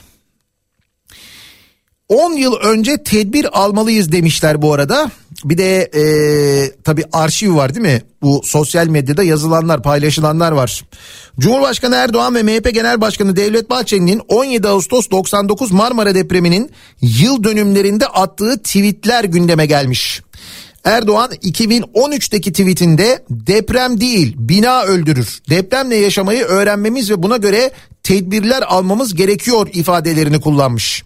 Bahçeli de 2017'de attığı tweetlerde Japonya'da tek tük yaralanmaya neden olan bir depremin ülkemizde nasıl oluyor da binlerce insanımızın hayatına kastettiğini düşünelim. Alalım tedbiri, edelim tevekkülü, bırakalım takdire. Bilelim ki deprem değil, sağlıksız ilkel malzemeden çalınarak yapılan binalar öldürür demiş. Bunları söyleyenler e, Tayyip Erdoğan ve Devlet Bahçeli sevgili dinleyiciler. Fakat bugün geldiğimiz noktada işte durum son derece farklı. Eee Depremzedeler için yemek ver kampanyası başlatmış Ankara Büyükşehir Belediyesi. Ee, Mansur Yavaş kampanyaya ilk 9 saatte yapılan yardım miktarının 2 milyon lirayı bulduğunu duyurmuş. Başkentlilerin yemekver.org internet adresi üzerinden vereceği kahvaltı ya da yemek siparişleri Ankara Büyükşehir Belediyesi aracılığıyla aş diye gelen ya da başkent 153 üzerinden başvuran bütün depremzedelere ulaştırılacakmış. İnternet sitesini bir kez daha duyuralım. yemekver.org e, sitesi üzerinden siz de bağışta bulunabilirsiniz sevgili dinleyiciler. Geçiyoruz e, gazeteye pencereden sonra Cumhuriyet gazetesine. Cumhuriyet'in manşeti milletin parasıyla millete bağış. Dünkü tartışma Toplanan 115.1 milyarın 90 milyar lirası devletten diyor e, Cumhuriyet gazetesi. Türkiye'de Türkiye depremzedeler için tek yürek oldu. Televizyonların yayınına katılan yurttaş çocuğunun kumbarasındaki birikimi, tarlasını, altınını, kefen parasını gönderdi. Gecede 115 milyar lira toplandı. Paranın yaklaşık 90 milyar lirası yurttaştan alınan vergilerden geldi. Bankalar hazineden aldıkları parayı Merkez Bankası hazineye aktaracağı karı yine kamu kurumu olan AFAD ve Kızılay'a bağışladı. Uzmanlar halkın parasıyla halka bağış yapılıyor. bu vergi ve zam olarak geri gelecek. Ayrıca bağışlar da denetlenemez uyarısı yapmış. Bu arada bu kamu kurumlarının yaptığı bağışlar kişi başı 1050 liraya denk geliyormuş ee, sevgili dinleyiciler. Yani o programda bu kamu kurumlarının yaptığı bağışlarla kişi başı 1050 lira bağışlamış olduk. Deprem bölgesinde yaşayanlar da kişi başı 1050 lira bağış yapmış oldular bu arada. Yani halkın parasını halka verdiler. Bir de bunun tabii böyle acayip e, işte havasını attılar. Orada yapılan konuşmaları falan görüyorsunuz. Ceplerinden veriyorlarmış gibi konuştular bir yandan aynı zamanda. Cengiz verdiğini geri aldı haberi var Cumhuriyet'te. Cengiz Holding yardım kampanyasına 3 milyar lira bağışlamış. Cengiz Holding'e aynı gece yayınlanan resmi gazeteyle 3 milyar 10 milyon liralık yeni yatırım teşviki verilmiş. Ya muhtemelen o 3 milyarı da tam yatırmamıştır. Daha yatırmadan o teşvik verilmiş yani. Beşli çeteyle pazarlık haberi var. AKP'nin Merkez Yönetim Kurulu toplantısına muhalefetin beşli çete olarak adlandırdığı şirketlerden Kalyon İnşaat'ın sahibi Cemal Kalyoncu da katılmış. Şimdi e, inşaat yapmanın derdindeler biliyorsunuz. Bir an önce inşaatlara başlamanın derdindeler. Uzmanlar yapmayın etmeyin demelerine rağmen yani inceleme yapılması lazım, düzgün hareket edilmesi lazım denmesine rağmen belli ki e, seçimden önce oralarda böyle temel atma törenleri, e, işte böyle inşaatlar falan göreceğiz biz. Onlar görülsün diye böyle acele ediliyor. 11. günde çifte mucize haberi yine Cumhuriyet'in birinci sayfasında depremin 248. saatinde 17 yaşındaki Aleyna Ölmez'in Kahramanmaraş'taki binanın enkazından çıkarıldığı haberi e, var. 10 saat sonra bir sevindirici haberde Neslihan Kılıç'tan gelmiş. Aynı zamanda e, daha da e, ileri saatlerde 258. saatte de yine e, kurtarılan bir kişi daha vardı e, sevgili dinleyiciler gecenin ilerleyen saatlerinde. 18 Haziran ağır bastı diye bir haber var. Selda Güneysu'nun haberi AKP MYK'da seçim tarihi konuşulmuş. AKP Yüksek Seçim Kurulu üyelerinin de katılımıyla seçim toplantısı yapmış. Sandık için 18 Haziran tarihinin altı çizilmiş. Bu tarihin sarkması durumundaysa Cumhur İttifakı'nın seçimleri kaybetme ihtimalinin doğacağı belirtilmiş. Yani 18 Haziran tarihi daha ağır basıyormuş. O tarihte seçim yapılabilecekmiş. En azından bunun tartışması devam ediyor. AFAD'la ilgili e, bir haber var. Bitirelim Cumhuriyet'in birinci sayfasını. AFAD 5 deprem cihazı ihalesini pahalı diye iptal etmiş sevgili dinleyiciler. Buyurun. Ankara'nın haberi bu. Afet ve Acil Durum Yönetimi Başkanlığı'nın geçen yıl depremle ilgili donanım ve cihaz eksikliklerini gidermek için çıktığı 5 ihale çeşitli gerekçelerle iptal edilmiş. Elektronik kamu alımları platformunda yani EKAP'ta yer alan bilgilere göre AFAD 16 Mayıs 2022 tarihinde deprem kayıt cihazı ve ekipmanları ihalesine çıkmış. İhalede 10 adet 120 saniyelik geniş bant sismometre, 3 kanallı asgari 24 bit sismik sayılaş, sayısallaştırıcı, gerçek zamanlı veri iletişim yazılımı ve 10 adet deprem gözlem istasyonu kabini ve kurulumu alınması planlanıyormuş. Ancak ihale 23 Mayıs'ta iptal edilmiş. İptal gerekçesi ise bütün tekliflerin alıma ayrılan ödeneğin ve yaklaşık maliyetin üzerinde olması olarak açıklanmış. 10 Haziran 2022 tarihli deprem ivme ölçer cihazı ve ekipmanları ihalesinde ise 25 adet deprem ivme ölçer cihazı, 30 adet deprem gözlem istasyonu kabini ve kurulumu hizmeti alınacakmış. Bu ihalede gerçekleşmeden iptal olmuş. İptal gerekçesi 9 Haziran 2022 tarihli ve 31.861 sayılı resmi gazete ile kurum yapısının değişmesi olarak açıklanmış. Sonra 30 Haziran 2022'de yine ihale açılmış. Bu ihaleye geçerli teklif veren istekli çıkmaması sebebiyle iptal edilmiş. 17 Ekim 2022 ve 24 Ekim 2022'de iki ayrı ihale daha iptal edilmiş sevgili dinleyiciler. Böylelikle e, deprem kayıt cihazları ya da işte böyle sismik cihazlarla ilgili AFAD'ın iki sene boyunca ihale yapıp yapıp e, bir şey almadığını öğrenmiş oluyoruz. Nitekim e, AFAD'ın ne kadar takdire şayan ve gerçekten ne kadar e, liyakatli yöneticilere sahip olduğunu da biliyoruz. Hatta bunu farkındaysanız günlerdir konuşuyoruz. Hatta bir liyakatli yöneticiden daha bahsedelim yeri gelmişken. E, dün Cumhuriyet Gazetesi'nde Barış Terkoğlu yazmıştı. Ölüler de diriler de Diyanete kaldı başlıklı bir yazısı var. Ve bakınız e, gerçekten de ne kadar enteresan. Şimdi e, Aile Bakanlığı diyor. Aile Bakanlığı'nın sayfasını açtım diyor. Barış Terkoğlu'nun yazısından okuyalım aslında. Ee, Aile Bakanlığı'nın sayfasını açtım. Evet bakanlıkta tam da insanların e, deprem sonrası yaşadıkları ile ilgili ilgilenecek bir kurum var mı diye bakarken göç, afet ve acil durumlarda psikososyal destek dairesini buldum diyor. Göç, afet ve acil durumlarda psikososyal destek dairesi. Neredeymiş bu? Aile Bakanlığı'ndaymış. Neler mi yapıyor? Devam edelim Barış Terkoğlu'nun yazısından. Afet sonrası ortaya çıkabilecek psikolojik bozuklukların önlenmesi, ilişkilerin yeniden kurulması, geliştirilmesi, etkilenenlerin normal yaşamlarına geri dönmesi, psikolojinin en zor alanlarından biriyle ilgili. Bizi depremden sonra iyileştirecek bir görev. Böyle önemli bir dairenin başında kim var diye baktım. Osman et yemez. Merak ettim bakanlık görevlilerini arayıp özgeçmişini sordum. Bazıları tanımıyordu bazıları ise bilgi vermek istemiyordu. Nedense böyle önemli bir dairenin başındaki ismin tecrübesi bakanlığın sitesinde de yoktu. Arama motoruna yazınca tahmin ettiğim gibi Diyanet personeli çıkıyordu. Karaman İl Müftülüğü'nden Ankara İl Müftülüğü'nde murakıplığa, sonrasında Aile Bakanlığı Göç, Afet ve Acil Durumlarda Psikososyal Daire Başkanlığı'na uzanan bir hikayesi vardı. Ankara Müftülüğü Personel Daire Başkanlığı'nı aradım. Onlar da eski murakip et yemezin Aile Bakanlığı'na geçtiğini söyledi. Afet sonrası kalanlara psikolojik destek verecek dairenin başında eski bir Diyanet denetçisi vardı. Peki göreve nasıl geldi? Aslında ipucu olabilecek bir ayrıntı vardı. Osman Etyemez çeşitli dini etkinliklerde Kur'an okuyordu. Konya Ereğli'de yıllar önceki tilaveti yerel medyada şöyle anlatılıyordu. AK, AK Parti Konya Milletvekili Halil Etyemez'in siyasi danışmanı Osman Etyemez'in tilaveti dinleyenler tarafından sükunetle takip edildi.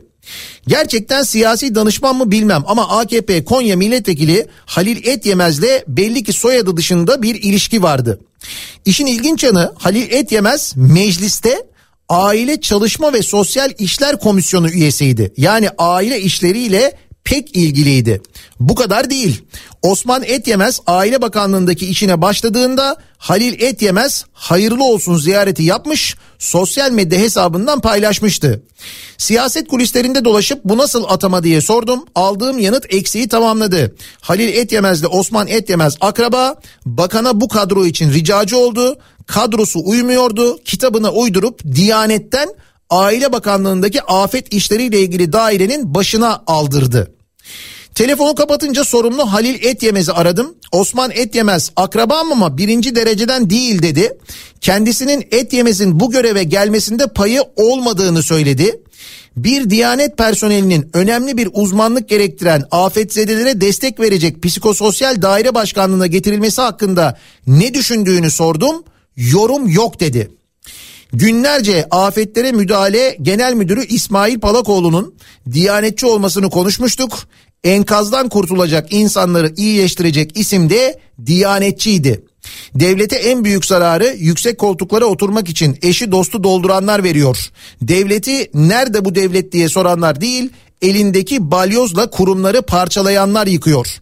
Devleti görev beklemeden milletini ayağa kaldıranlar değil, layık olanların yerine yandaşlarını oturtarak milleti sahipsiz bırakanlar parçalıyor. Devletin dili olsa konuşsa belki sırtına çıkarak yükselenleri gösterecek, düşman arayanlara uzağa bakmayın diyecek diyor. Barış Terkoğlu dünkü yazısında sevgili dinleyiciler. Yine liyakatli bir yöneticinin hikayesi yani aslına bakarsanız önümüzdeki. Bakalım daha neler öğreneceğiz. Afetle ilgili kim bilir hangi yetenekli insanların o görevlere getirildiğini, kim bilir nasıl getirildiğini öğreneceğiz. Daha neler göreceğiz. Ve yatay mimari denirken e, dikey mimariden uzaklaşmamız lazım denirken değil mi? İşte biz ihanet ettik İstanbul'a falan denirken bakınız e, İstanbul'dan yeni bir projenin haberi. Çevre ve Şehircilik Bakanlığı Essa Yapı isimli bir şirketin İstanbul'da mimarisiyle tartışma yaratacak 26 katlı bir projeyi inşa etmesine izin vermiş. 26 katlı. Şirketin bakanlığa sunduğu chat raporunda arazinin fotoğraflarının yer alması gereken kısımda şirket yetkilisinin fotoğrafına yer verildiği görülmüş. Gerçekten de öyle. Adam böyle bir arsanın üzerinde durmuş poz vermiş. Onun fotoğrafı var yani. Esa Yapı Gayrimenkul isimli bir şirket İstanbul'un Bağcılar ilçesine bağlı Kirazlı mahallesinde 387 konut ve 22 ticari alanın yer aldığı toplu konut projesi inşa edecekmiş. 36.768 metrekarelik araziye inşa edilecek 26 katlı yapının mimari projesi ise tartışma yaratacak türden hatta ben e, o projenin fotoğrafı da var burada. Yani bir şekli de gerçekten tartışma yaratacak türden böyle bir duvar var sevgili dinleyiciler. Kocaman bir duvar yapılıyor aslında. O kadar da çirkin bir şey ki. Bu projeye Çevre Şehircilik ve İklim Değişikliği Bakanlığı da çet gerekli değildir kararı vererek onay vermiş aynı zamanda. Ayrıca şirketin bakanlığa sunduğu ve bakanlığın incelediği chat raporunda arazinin fotoğraflarının yer alması gerekirken bir şirket yetkilisinin fotoğrafına yer verildiği görülmüş. Bu da raporun ne kadar ciddiyetten uzak olduğunu gösterir nitelikte. Mimarlar Mühendisler Odaları Birliği Mimarlar Odası İstanbul Büyükkent Şubesi Başkanı Esin Köymen ise Bir Gün gazetesine yaptığı açıklamada imar planları ve yapılaşma kurallarına göre bu projede fazlasıyla kullanılan bir inşaat alanı var. Binanın ortalama 7-8 katlı olması lazım. Her yönüyle tartışma yaratacak bir proje ifadelerini kullanmış. İstanbul'u konuşuyoruz değil mi? Şimdi İstanbul işte Marmara depremiyle ilgili uyarıyorlar. Bakın uyardık dinlemediniz Doğu Anadolu'da böyle oldu. İstanbul için bir şeyler yapılsın deniyor. İşte İstanbul için Çevre ve Şehircilik Bakanlığı bunları yapıyor sevgili dinleyiciler. Merak ediyorsanız ne yapıyorlar diye yapıyorlar yani gerçekten de. Ee, bir ara verelim kısa bir ara hemen ardından yeniden buradayız.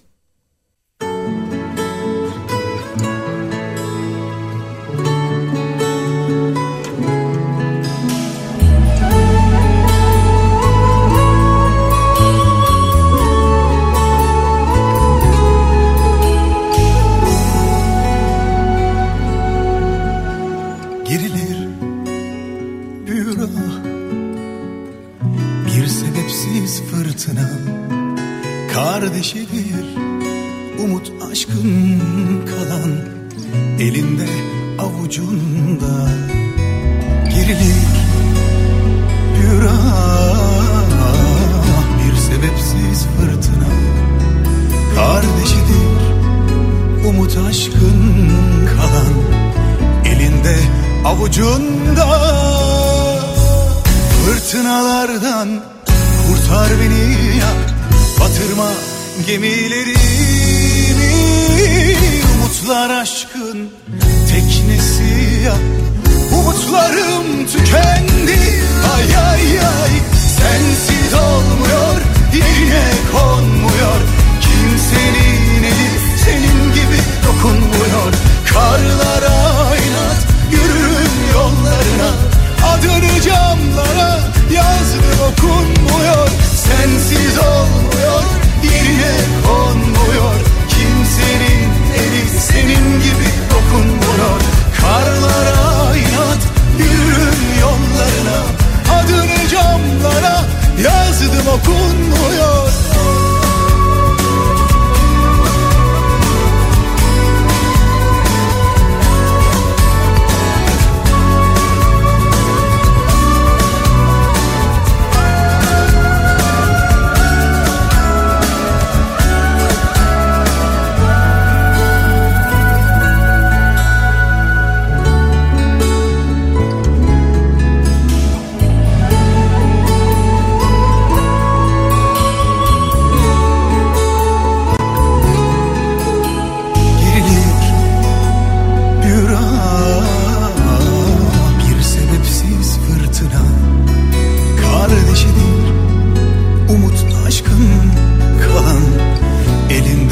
avucunda.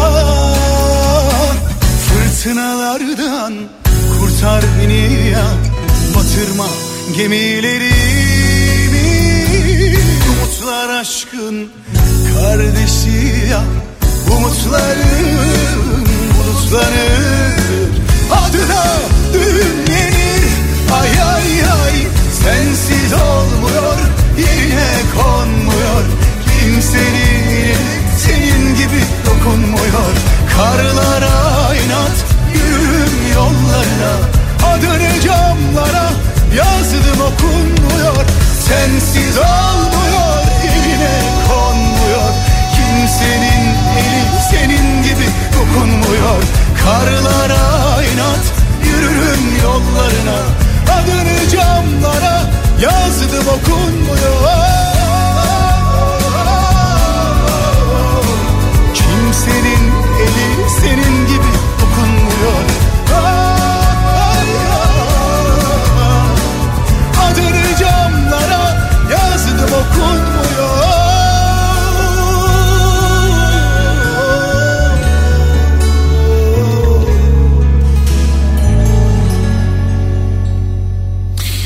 Cuma gününün sabahındayız. Tarih 17 Şubat 8'i 12 dakika geçiyor saat sevgili dinleyiciler. Devam ediyoruz hem gazetelere bakmaya hem de haberleri okumaya. Bir yandan tabii dinleyicilerimizden de mesajlar geliyor. 0532 172 52 32 WhatsApp hattımızın numarası 0532 172 kafa. Ee, buradan WhatsApp hattımız üzerinden de yazabilirsiniz. Nitekim dediğim gibi mesajlar geliyor. 23 yıl önce büyük bir depremle sarsılan Bolu'da itfaiye bünyesinde bulunan enkaz altı arama kamerasının 10 yıldır arızalı olduğu ve maliyet sebebiyle tamirinin yapılmadığını ayrıca yaklaşık 50 personelden kimsenin arama ve kurtarma eğitimi almadığını dehşetle öğrendik diyor Bolu'dan bir dinleyicimiz yazmış. Şimdi deprem bölgelerinde ki Türkiye'nin büyük bölümü öyle e, doğal olarak hazırlıklar acaba ne yapılıyor falan diye insan merak ediyor. Ee, ve biz genelde deprem olunca e, yeniden uyanıyoruz. Bu bir müddet konuşuyoruz. Bir müddet insanlar bir telaş yapıyorlar, bir bakıyorlar, bir eve baktıralım falan diyorlar. Ondan sonra tamam baktıralım, olur sen ara, sonra ben ara bilmem ne falan derken e, deprem unutulunca bunlar da unutuluyor aynı zamanda. Eee 14 Eylül 2022 yani daha yeni tarihli 6053 sayılı Cumhurbaşkanı kararında afet durumlarında koordinasyonun nasıl yapılacağı konusunda kararname yayınlanmış. Ayrıntısına bakarsanız afet koordinasyonunda ko- koordinasyonun yönetilmesinde müdahalesinde yapılan şemada ne güvenlik güçleri var ne de orduya verilmiş bir görev. Ordu neden çıkmadı? Ee, neden Cumhurbaşkanı'nın emriyle çıktı sorularına burada bir cevap bulunabilir belki. inanılmaz bir kararname diye yazmış bir dinleyicimiz. İşte 99 depremi sonrasında asker bu kadar hızlı müdahale ederken neden bu sefer öyle olmadı sorusunun yanıtı da zannediyorum dinleyicimizin verdiği o bahsettiği kararnamede aynı zamanda. Az önce Cengiz İnşaat 3 verdi 3 aldı dediniz. E bir de bir 3 vergiden düştü. Canım vergiden düşmesi ne olacak? Adamın vergisini sildik. 300 küsür milyon e, dolar mıydı? Ne kadardı? E, ya da TL miydi? Bir vergisini sildik ya kendisinin. Onu hani e, vergiden düşmesine gerek yok. Zaten yeri geldiğinde siliyoruz. Bu asrın bağışı gecesinde ekran yüzlerinden Hasan Kaçan var mıydı? Ben izlemedim diye soruyor bir dinleyicimiz. Valla ben de pek izlemedim ama gördüğüm görüntülerde ee, görmedim kendisini. Yani o bağış toplayanlar arasında ee, Hasan Kaçan yoktu diye tahmin ediyorum. Yani ben görmedim en azından. Bir müteahhitle sohbet ettim dün. Müteahhitin anlattığı şöyle. Harç kamyonları geliyormuş. Birinci kamyonda C35 beton, diğerleri C18, C20. Bu şekilde yapıyorlarmış. Belediye de numuneyi bir kamyondan alıyormuş. Bu şekilde sistem dönüyormuş. Ama inşa edildikten sonra da bir denetim yapılmıyor mu? Yani inşa edildikten sonra gerçekten o binada dayanıklı kullanıldı mı, beton kullanılmadı mı diye yeni yapılan inşaatlarla ilgili de herhalde bir denetim mekanizması vardır diye düşünüyoruz. Değil mi? Ee, enkaz altında enkaz altından canlı kurtulanların sayı, saatini rekorunu sayıyordu Ahmet Hakan. Acaba ona da bir ceza gelir mi diye sormuş bir dinleyicimiz. Tabii ki gelmez. Gelir mi sizce? Bu arada Ahmet Hakan demişken CNN Türk'ten bir haber var. Ee, deprem eleştirileri yapan CNN Türk sunucusu Cem Seymen kanalın baskısıyla istifa etmiş sevgili dinleyiciler. İşte hala haber kanalıdır diye izliyorsanız eğer CNN Türk'ü yani hala izliyorsanız gerçekten de bilin diye söylüyorum. Ee, Çalışan Türkiye ve Üretim Rotası programlarını sunan spiker Cem Seymen sosyal medya paylaşımlarında yaptığı eleştiriler sebebiyle kanalın kendisini istifaya zorladığını söylemiş. Kızılay, TRT gibi kamu kuruluşları başta olmak üzere devletin bütün araçlarıyla birlikte depreme müdahalede geç kaldığı yönünde açıklamalar yapan Seymen deprem tweetlerinin kurumda rahatsızlığa neden olduğunu belirtmiş ve bu nedenle e, istifasının istendiğini söylemiş. Attığı tweetler kanal yönetimini rahatsız etmiş. Kanal CNN Türk. Bir zaman CNN'e e, soruyorlardı ya sizin isminizin olduğu kanal böyle şeyler yapıyor falan diye şikayet etmişlerdi. Ne oldu acaba ondan sonra o? Demek ki CNN de çok ilgilenmiyor. Yani CNN'in kendisi de çok sallamıyor diye düşünüyorum ben. İstanbul depremi ile ilgili e, konuşuluyor. Daha doğrusu Marmara'da beklenen depremle ilgili konuşuluyor. Bakın İstanbul'da e, en yaşlı konut stoğu Fatih ve Üsküdar'daymış sevgili dinleyiciler.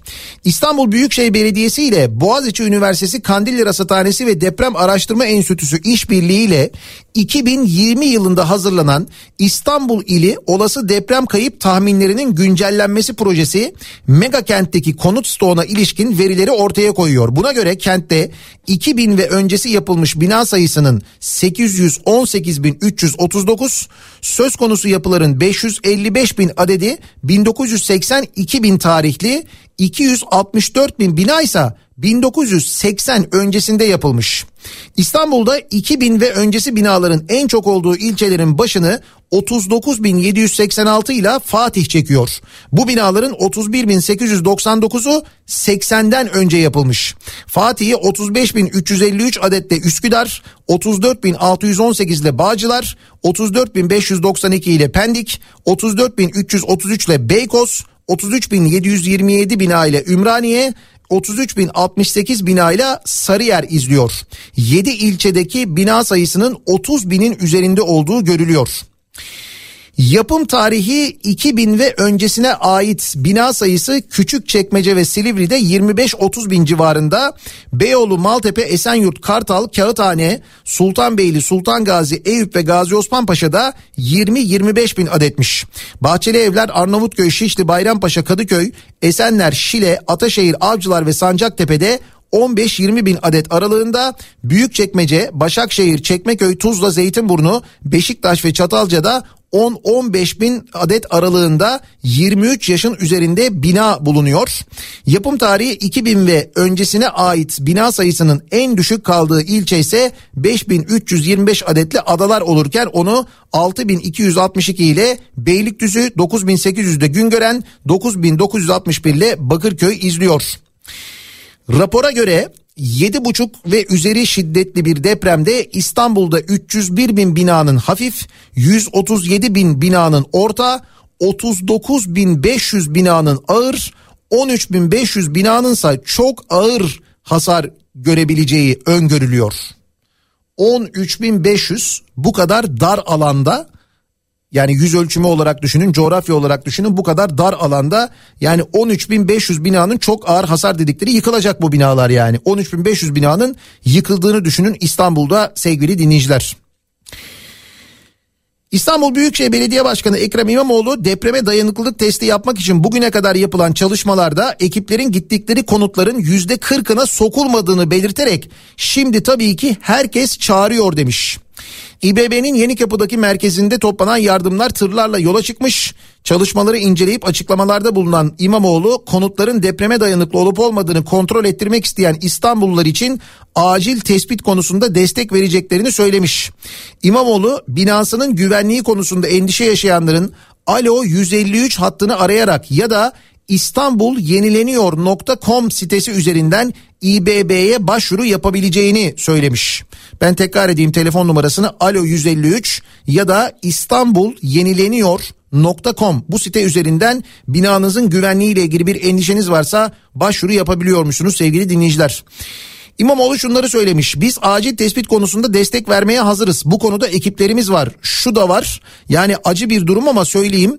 Daha önce sahada yaptığımız acil tespit çalışmalarında inanın yüzde 40 eve sokulmadık. Şimdi tabii herkes çağırıyor. Bir anda on binlerce binaya cevap veremeyebiliriz. Zaten bir buçuk iki yıldır çalışıyoruz. Belki de şu an bize acil tespitle ilgili soru soranların cevapları bizde olabilir. Çünkü belli bölgeleri bitirdik. Yaklaşık 10-11 ilçede ciddi yol aldık. Bizimle hem Alo 153 üzerinden hem de internet sitemiz İstanbulyenileniyor.com üzerinden irtibat kurabilir İstanbullular demiş İstanbul Büyükşehir Belediye Başkanı.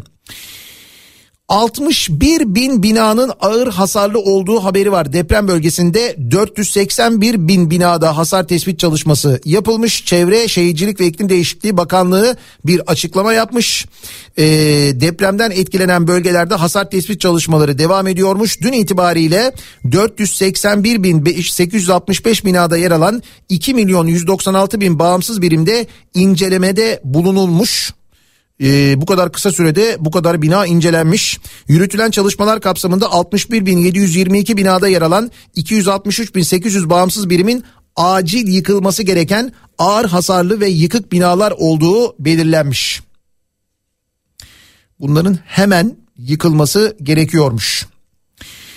Türkiye Barolar Birliği'nden depremzedeler için hukuk rehberi. Türkiye Barolar Birliği 99 depreminin ardından yayınladığı depremzedeler için hukuk rehberi kitapçığını Maraş merkezi depremlerin ardından güncelleyerek yeniden yayınlamış. Rehberde depremzedeler ve depremden zarar görenlerin hakları, ceza hukuku, özel hukuk, idare hukuku, vergi hukuku, sağlık hukuku yönünden ayrıntılı olarak ele alınırken afetzedelere yıkılan veya ağır hasar gören yapıları sebebiyle konut veya iş yeri için sunulan destekler ve adli yardımlaşma başlıkları altında depremzede hakları ve destekleri ele alınmış. Depremzedeler bu kitapçıktan e, bu bilgileri öğrenebiliyorlar.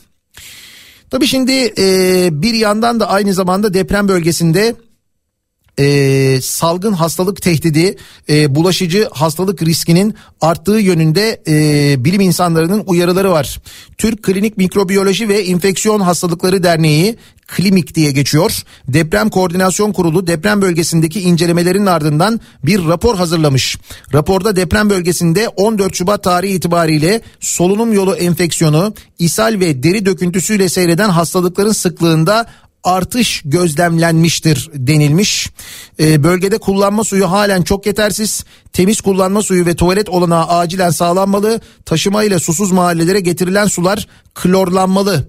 Kanalizasyon sistemi tarif olan yerleşim yerlerinde pis su altyapısı bir an önce tamir edilerek kullanıma alınmalı. Tuvaletlerin yerleşimleri ve donanımları uygun olmalı. Katı atıklar hızlı şekilde toplanmalı kolera riskine dikkat edilmeli ki Suriye'den kolera vakaları bildiriliyormuş aynı zamanda oradaki deprem bölgesinde e, bunlara dikkat çekilmiş e, Klinik Derneği tarafından sevgili dinleyiciler tabii şimdi deprem sonrasında böyle sıkıntılar da yaşanacak aynı zamanda bunlara önlemler almak gerekiyor. E, gazetelere bakıyoruz bir gün gazetesine bakalım.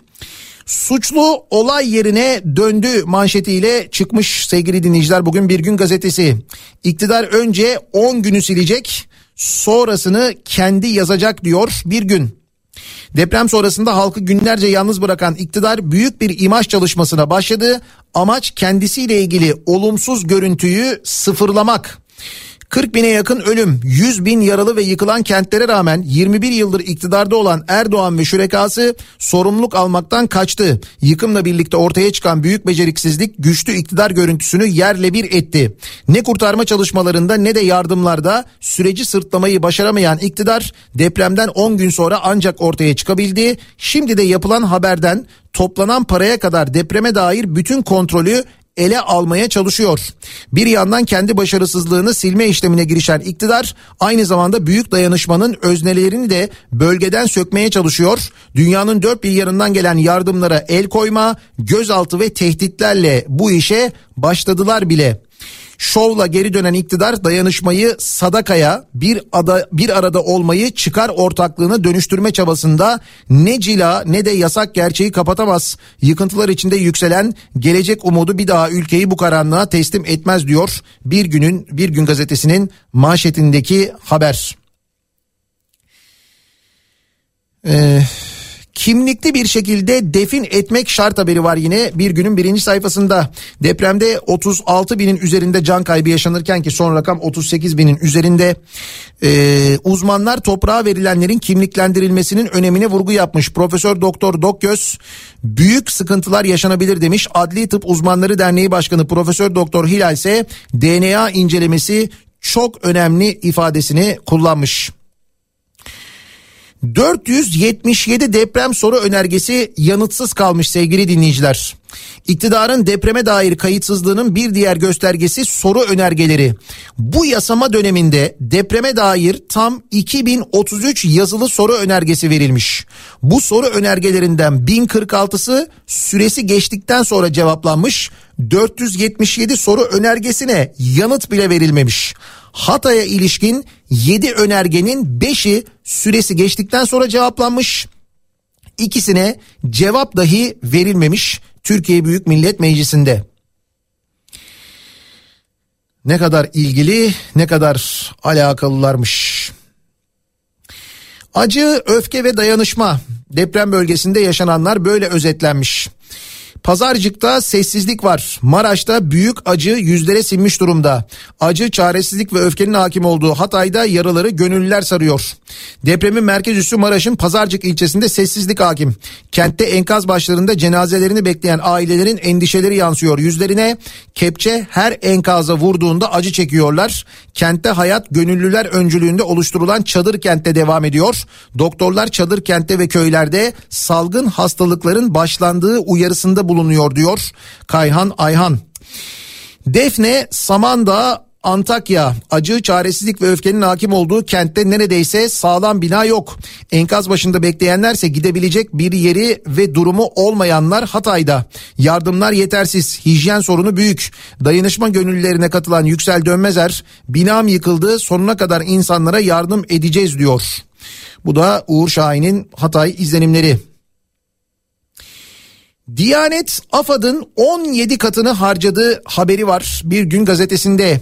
Yetkileri iyice genişletilen Diyanet'in Ocak harcaması AFAD'ı 17'ye katlamış sevgili dinleyiciler. Bütün ülke depremin yaralarını sarmaya çalışırken Diyanet İşleri Başkanlığı'nın yetkilileri yetkileri daha da artırılmış. Manevi rehberlik sunma görevi verilen Diyanet'in okullarda, gençlik kamplarında ve medya kuruluşlarında haftada 5 gün irşat programı düzenleyebilmesine olanak sağlanmış. Kamu idarelerinin Ocak ayındaki harcamalarının sıralandığı listeye göre Diyanet Ocak ayında 4 milyar lira harcarken AFAD'ın harcaması 233 milyon lirada kalmış. Marif Vakfı'na 200 milyon lira aktarılırken riskli alanların dönüşümüne 127.7 milyon lira harcanmış. Depremin e, deprem riskinin ne kadar ciddiye alındığı da buradan anlaşılıyor devlet tarafından. AFAD demişken raporlardaki hiçbir eksiklik giderilmemiş haberi var. Yine bir günün birinci sayfasında depremlerde yaşanan koordinasyonsuzluk sebebiyle eleştirilerin odağı olan AFAD'ın raporları kurumun içinde bulunduğu durumu göstermiş. 2018'den bu yana yazılan faaliyet raporlarında zayıflıklar kısmına yazılan birçok konu değişmemiş. Bu konular sadece cümleler değiştirilerek 4 raporda da aynı şekilde kalmış. Hatta bazı raporlarda cümleleri bile değiştirmemişler. Kopyala yapıştır yapmışlar. Mega kentte 5 milyon kişi etkilenecek. Büyük depremi bekleyen İstanbul'da binaların %73'ünün 99'dan önce yapıldığını açıklayan İstanbul Büyükşehir Belediyesi İmar ve Şehircilik Daire Başkanı Gürkan Akgün 90 bin binanın ağır hasar alacağını ve yıkılabileceğini söylemiş. Yıkılacak ve hasar alacak yapılardan 5 milyon kişinin doğrudan etkileneceğini öngörüyoruz demiş. Demek ki İstanbul'da bir seferberlik yapmak hatta İstanbul'da değil Marmara bölgesinde bir seferberlik ilan etmek gerekiyor sevgili dinleyiciler. Çünkü işin tabii en başta insan canı önemli. Sonra bir de ekonomik boyutu var ki bütün ekonomisi yani ekonomisinin büyük bölümü Marmara bölgesinde dönüyor Türkiye'nin. Belki bunu başka alanlara deprem riski daha az olanlara sanayide dahil olmak üzere e, dağıtmak gerekiyor. Bunu yapmak gerekiyor. Bakalım yapacaklar mı? Ee, gaz gemisi fay üstündeki limana girdi haberi var. Bölge halkının ve bilim insanlarının itirazlarına rağmen Saros körfezine yapılan FSRU doğalgaz aktarma limanına ilk gemi yanaşmış. Keşan Kent Konseyi Başkanı Karagöz Marmara depremini tetikleyecek fay hattına 7 kilometre uzaklıkta. Bu durumda limanın vereceği zararı kestiremiyoruz demiş fay hattına 7 kilometre mesafeye doğal gaz aktarma limanı yaptılar sevgili dinleyiciler. Sonra e, depremden sonra da konuşuyoruz nasıl olur fay hattının üzerine havalimanı mı yapılır bilmem ne mi falan derken işte yapmışlar. Bunu da göz göre göre yaptılar. Bağır, insanlar bağırdı çağırdı anlatmaya çalıştı derdini kimse dinlemedi.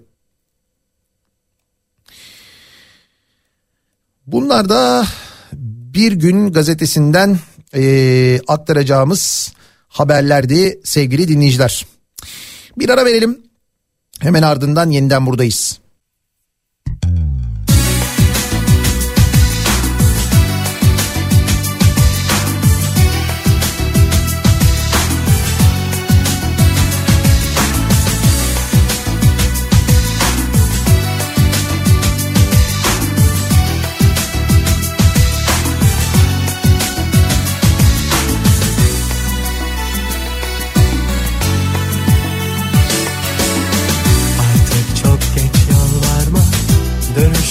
Dönüş yok o yıllara Bil ki sana bu son veda.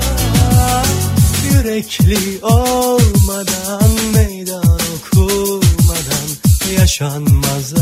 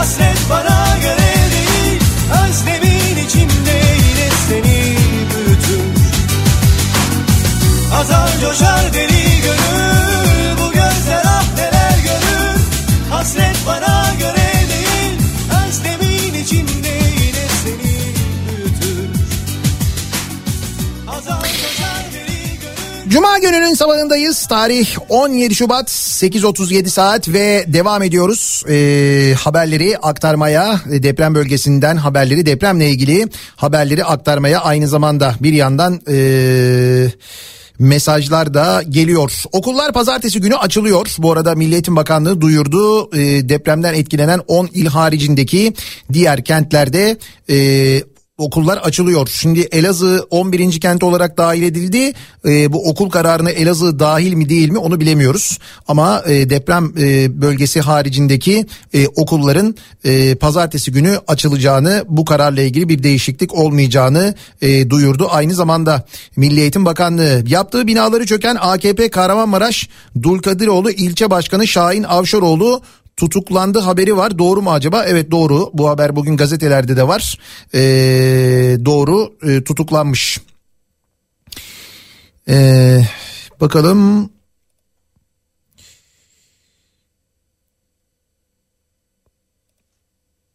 Ee, çok mesaj geliyor tabii. Köyleri herkes unuttu. Lütfen oralardan da bahsedin diyor bir dinleyicimiz. Bahsediyoruz, sık sık anlatıyoruz. Hatta köylerdeki sıkıntıdan dün de mesela konuşmuştuk, bahsetmiştik. Bölgede gazeteci arkadaşlarımız var. Onlar köyleri geziyorlar.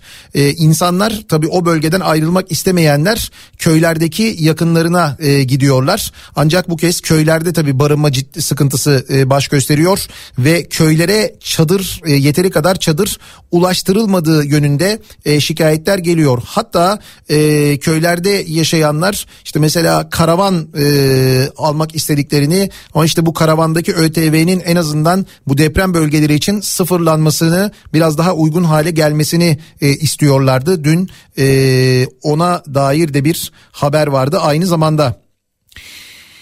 Eee Diyor ki bir dinleyicimiz İstanbul'da telsiz operatörüyüm. Amatör telsizciyim. Aynı zamanda e, STK'nın bir STK'nın da başkanlığını yapıyorum. Depremde, afetlerde kesintisiz iletişim olarak biz telsizle irtibatlaşmayı öngörüyoruz. Kurumlarımız da bunu kullanıyor ama kurum içerisindeki personel maalesef bu konu hakkında eğitimsiz. E, herkeste hazır bir düzen var. Bir ikinci kanal, e, ikinci kanal bu şekilde gidiyor. Kendi frekanslarını sorduğumuzda hiçbir cevap alamıyoruz. Kullanıcı personelden deprem bölgesinde de arkadaşlarımız bu durumla karşılaştılar ve hala orada cep telefonu üzerinden şebeke olmamasına rağmen iletişim kurmaya çalışıyorlardı. Elinin altında telsiz ve imkanları olmasına rağmen maalesef kullanamıyorlar diyor dinleyicimiz. Yani e, vatandaş mesela bu telsiz konusunda amatör telsizcilik konusunda bu kadar ilgiliyken deprem anında çok da önemli bir iletişim aracıyken e, görevlilerin yani bölgede görevli olacak olanların afete müdahale edecek olanların telsiz konusunda çok bilgisi olmadığını e, anlatmış dinleyicimiz.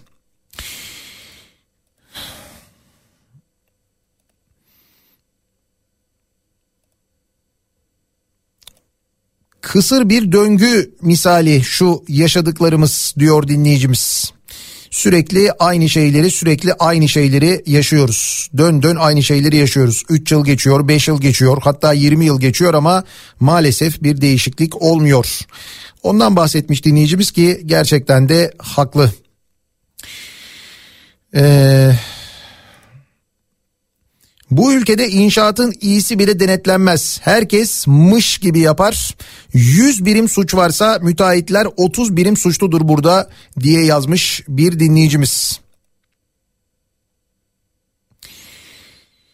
Ee, gazetelere bakıyoruz dedik Sözcü gazetesi var şimdi önümüzde. Millet Çanakkale ruhuyla bağış yağdırdı haberi var. Türkiye Tek Yürek kampanyasında madalyonun iki yüzü. Nasılmış şöyleymiş madalyonun iki yüzü. Genci yaşlısı 25 milyar lira bağışladı. Şimdi nasıl oluyor derseniz eğer şöyle oluyor. Madalyonun bir yüzü depremzedeler için düzenlenen kampanyaya millet 108 yıl önce olduğu gibi sahip çıktı. Her kesimden her vatandaş para bağışladı. Ee, 213 televizyonun ve 562 radyonun ortak yayınıyla AFAD ve Kızılay için 115 milyar toplandı. Vatandaş karınca kararınca bağışta bulundu. Kumbarasındaki harçlığını veren çocuk da vardı. Evini bağışlayan da. Tüm parasını gönderen de vardı. Maaşını yollayan da. Adeta bir Çanakkale ruhu bir Kuvayi Milliye ruhu sergilendi. SMS'lerin haricinde vatandaşın nakit bağışı 25 milyar lira oldu. Bir de devlet milletin parasını bağışladı millete bağışladı bir de. Bu var. Kamu kurumları da 90 milyar bağışladı diyor. Madalyonun öteki yüzü de bu. Ortak televizyon yayınında 115 milyar gibi dev bir rakama ulaşıldı ancak bunun 90 milyarı kamu kurumlarından geldi. Yani bu para zaten milletin parası. Türkiye Tek Yürek kampanyasına yönetimini iktidarın belirlediği kamu kuruluşları da katıldı. Rekor bağışlar hep kamu kurumlarından geldi. Sanki kendi paralarıymış gibi bol keseden para dağıttılar. Örneğin Merkez Bankası 30 milyar lira bağışta rekor kırdı. Milliyet e, Merkez Bankası'nı 20 milyar lira bağışta Ziraat Bankası takip etti. Ardından 12 milyar lirayla Vakıfbank, 7 milyar lirayla Halkbank, 3.6 milyar lirayla Savunma Sanayi ve 2'şer milyar lirayla TMSF ve Telekom geldi. Yani bir anlamda devletin sağ cebinden çıkan para sol cebine girdi. Peki ekonomistler bu bağış için ne demiş? Murat Muratoğlu milletin parasını millete bağışlayan kamu bankaları şov yaptı demiş. Refet Gürkaynak Merkez Bankası'nınki yoktan para var ederek yapılan bağıştır uydurma kaynaktır demiş. Hakan Kara Merkez Bankası kamuya bağış yaptığında gider yazar karı azalır demiş. Uğur Gürses Merkez Bankası 30 milyar lirayla bu bağış şovuna neden girişti diye sormuş. Oğuz Demir de özel sektörün yapacağı bağış bu kadar mıydı? Fazlası olabilirdi demiş. Bu arada Hollanda'da da bir gece düzenlenmiş. Televizyon kanalları bir ortak yayın yapmış ve bağış toplamış. 2 saat içinde 90 milyon euroya yani 1.8 milyar liraya ulaşılmış sevgili dinleyiciler. 11. günde enkaz altından kurtarılan Aleyna Dönmez'in haberi var. 258. saatte 29 yaşındaki Neslihan Kılıç'ın sağ çıkarıldığı haberi de yine e, Sözcü'nün birinci sayfasında yer alıyor. Ümit Kocasakal konuşmuş Sözcü gazetesine Ruat Mengi'ye kimse kader deyip bu işin içinden sıyrılamaz. Her şey kader planıysa o hal ilan etmeye ne gerek var o zaman diye sormuş. Sözcüye konuşan Kemal Kılıçdaroğlu Saygı Öztürk'e konuşmuş. Demiş ki Kızılay'ı çökerttiler. AFAD'ı çökerttiler. AFAD'da nitelikli kadrolar var ama tepe kadrolar öyle değil. Bürokrasiyi çürüttüler. Seçimin ertelenmesi de anayasaya aykırıdır demiş. Bunlar da Sözcü gazetesinin birinci sayfasındaki haberlerdi sevgili dinleyiciler. Depremden sonra e, hep konuşulan konu e, konulardan bir tanesi deprem vergisi deprem vergileri ne oldu sorusu. Bununla ilgili e, bugün bir yazı var. E, bu da Gazete Pencere'de çıkan Gazete Pencere'nin ekonomi sayfalarında çıkan bir e, haber. 35 milyar dolarlık deprem vergileri nasıl buhar oldu sorusu ve bunun yanıtı. CHP Mersin Milletvekili Alpay Antmen lütfen bu yazacaklarımı dikkatle okuyun. Yaşananlar göz göre göre başımıza geldi. İktidarın beceriksizliğini belgeli şekilde göreceksiniz diyerek devletin topladığı deprem vergilerinin akıbetini sorgularken nelerle karşılaştığını anlatmış. Yani bir milletvekili e, bu toplanan deprem vergileri ne oldu diye peşine düşmüş. Hani biz soruyoruz ya işte biz bizim sormamızın bir sade vatandaş olarak biz soruyoruz. Bize işte yol yaptık köprü yaptık diye yanıt veriyorlar. Bir milletvekili peşine düşüyor bunun ve resmi olarak soruyor. Diyor ki bir AKP 2003-2023 arasında dolar bazında 35 milyar dolar deprem vergisi topladı.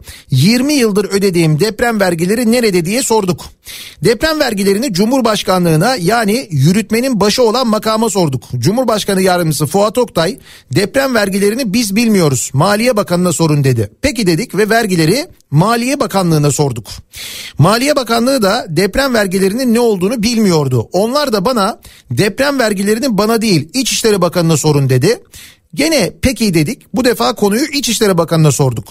Deprem vergilerinin peşinde bu defa İçişleri Bakanı'na soruları sorduk. İçişleri Bakanı AFAD adına Cumhurbaşkanlığı kararnamesi çerçevesinde harcanıyor dedi. Yani biz bilmiyoruz diyen Cumhurbaşkanlığına topu geri gönderdi. Kısaca şöyle oldu. 35 milyar dolarlık deprem vergileri Nerede? Cumhurbaşkanlığı biz bilmiyoruz maliyeye sorun. Maliye biz de bilmiyoruz. İçişleri Bakanlığı'na sorun. İçişleri bize değil Cumhurbaşkanlığı'na sorun. AKP iktidarı daha burnunun ucundan habersizdi yani. Olay kamuoyunda da yer bulunca bu defa sazı Cumhurbaşkanı Erdoğan eline aldı ve deprem vergilerinin hesabını size vermem dedi. Namuslu bir iktidar olsaydı bu paraları gerçekten depreme harcamış olsalardı çıkıp açıklamazlar mıydı? Deprem vergileriyle ilgili dönemin Maliye Bakanı Mehmet Şimşek yol yaptık demişti. O yaptıkları yollar havalimanı yıkıldı. Yani paralar birkaç iş adamına aktarıldı. O iş adamlarının vergileri sıfırlandı. Şimdi de bağış yaptırıyorlar onlara. Sizin paranızla size bağış yaptırıyorlar. Değil Türkiye'nin dünyanın en büyük müsameresine şahit oluyoruz. Deprem olduğundan bu yana canıyla malıyla yardım eden fedakar halkımızın tek bir alın teri dahi bunların tamamından değerlidir. Bir gün bu çark kırılır, devran döner, defterler işte o zaman açılır diye yazmış CHP Mersin Milletvekili Avukay e, avukat Alpay Antben sevgili dinleyiciler. Sadece yıkım ve enkaz kaldırma faturası 12 milyar lirayı aşıyormuş. Çevre, Şehircilik ve İklim Değişikliği Bakanlığı verilerine göre Kahramanmaraşlı merkezde depremlerin etkileyen, etkileyen bölgedeki binaların 50.576'sının ağır hasarlı ya da yıkık olduğu ve bu hasarların acil yıkılması gerektiği tespit edilmiş. Eski Yıkım Müteahhitleri Derneği Başkanı ve yıkım uzmanı Mehmet Ali Bulut sektörde yıkım müteahhitliği olan veya olmayan 2000'e yakın firma bulunduğunu belirterek tüm firmalara görevlendirme yapılırsa her firma 25 binanın yıkım ve enkazının kaldırılması görevini üstlenebilir. Bir yıla yakın sürede bütün enkaz temizlenerek bertaraf edilebilir demiş.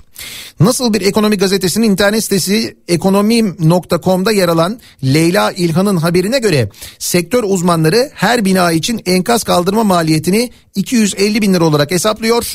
50 bin 576 bina düşüldüğünde de düşünüldüğünde de ilk etapta 12.6 milyar lira gibi bir maliyet ortaya çıkıyor. Ama ne diyor? Ee, işte her firmaya 23 bina verilse bir yılı bulur diyor. Bütün enkazın kaldırılması. Bizimkiler de diyorlar ki bir yıla biz binaları yaparız. Tabii dediğim gibi bazı bölgelerde muhtemelen seçimden önce e, böyle bir görüntü verilecek. Öyle tahmin ediyoruz. Biz bitiriyoruz yayınımızı ve mikrofonu e, Güçlü Mete'ye devrediyoruz. Birazdan Güçlü Mete e, Kafa Radyo'da Kripto Odası'nda sizlerle birlikte olacak. Son gelişmeleri, son haberleri aktaracak. Pazartesi sabahı 7'de yeniden bu mikrofondayım ben.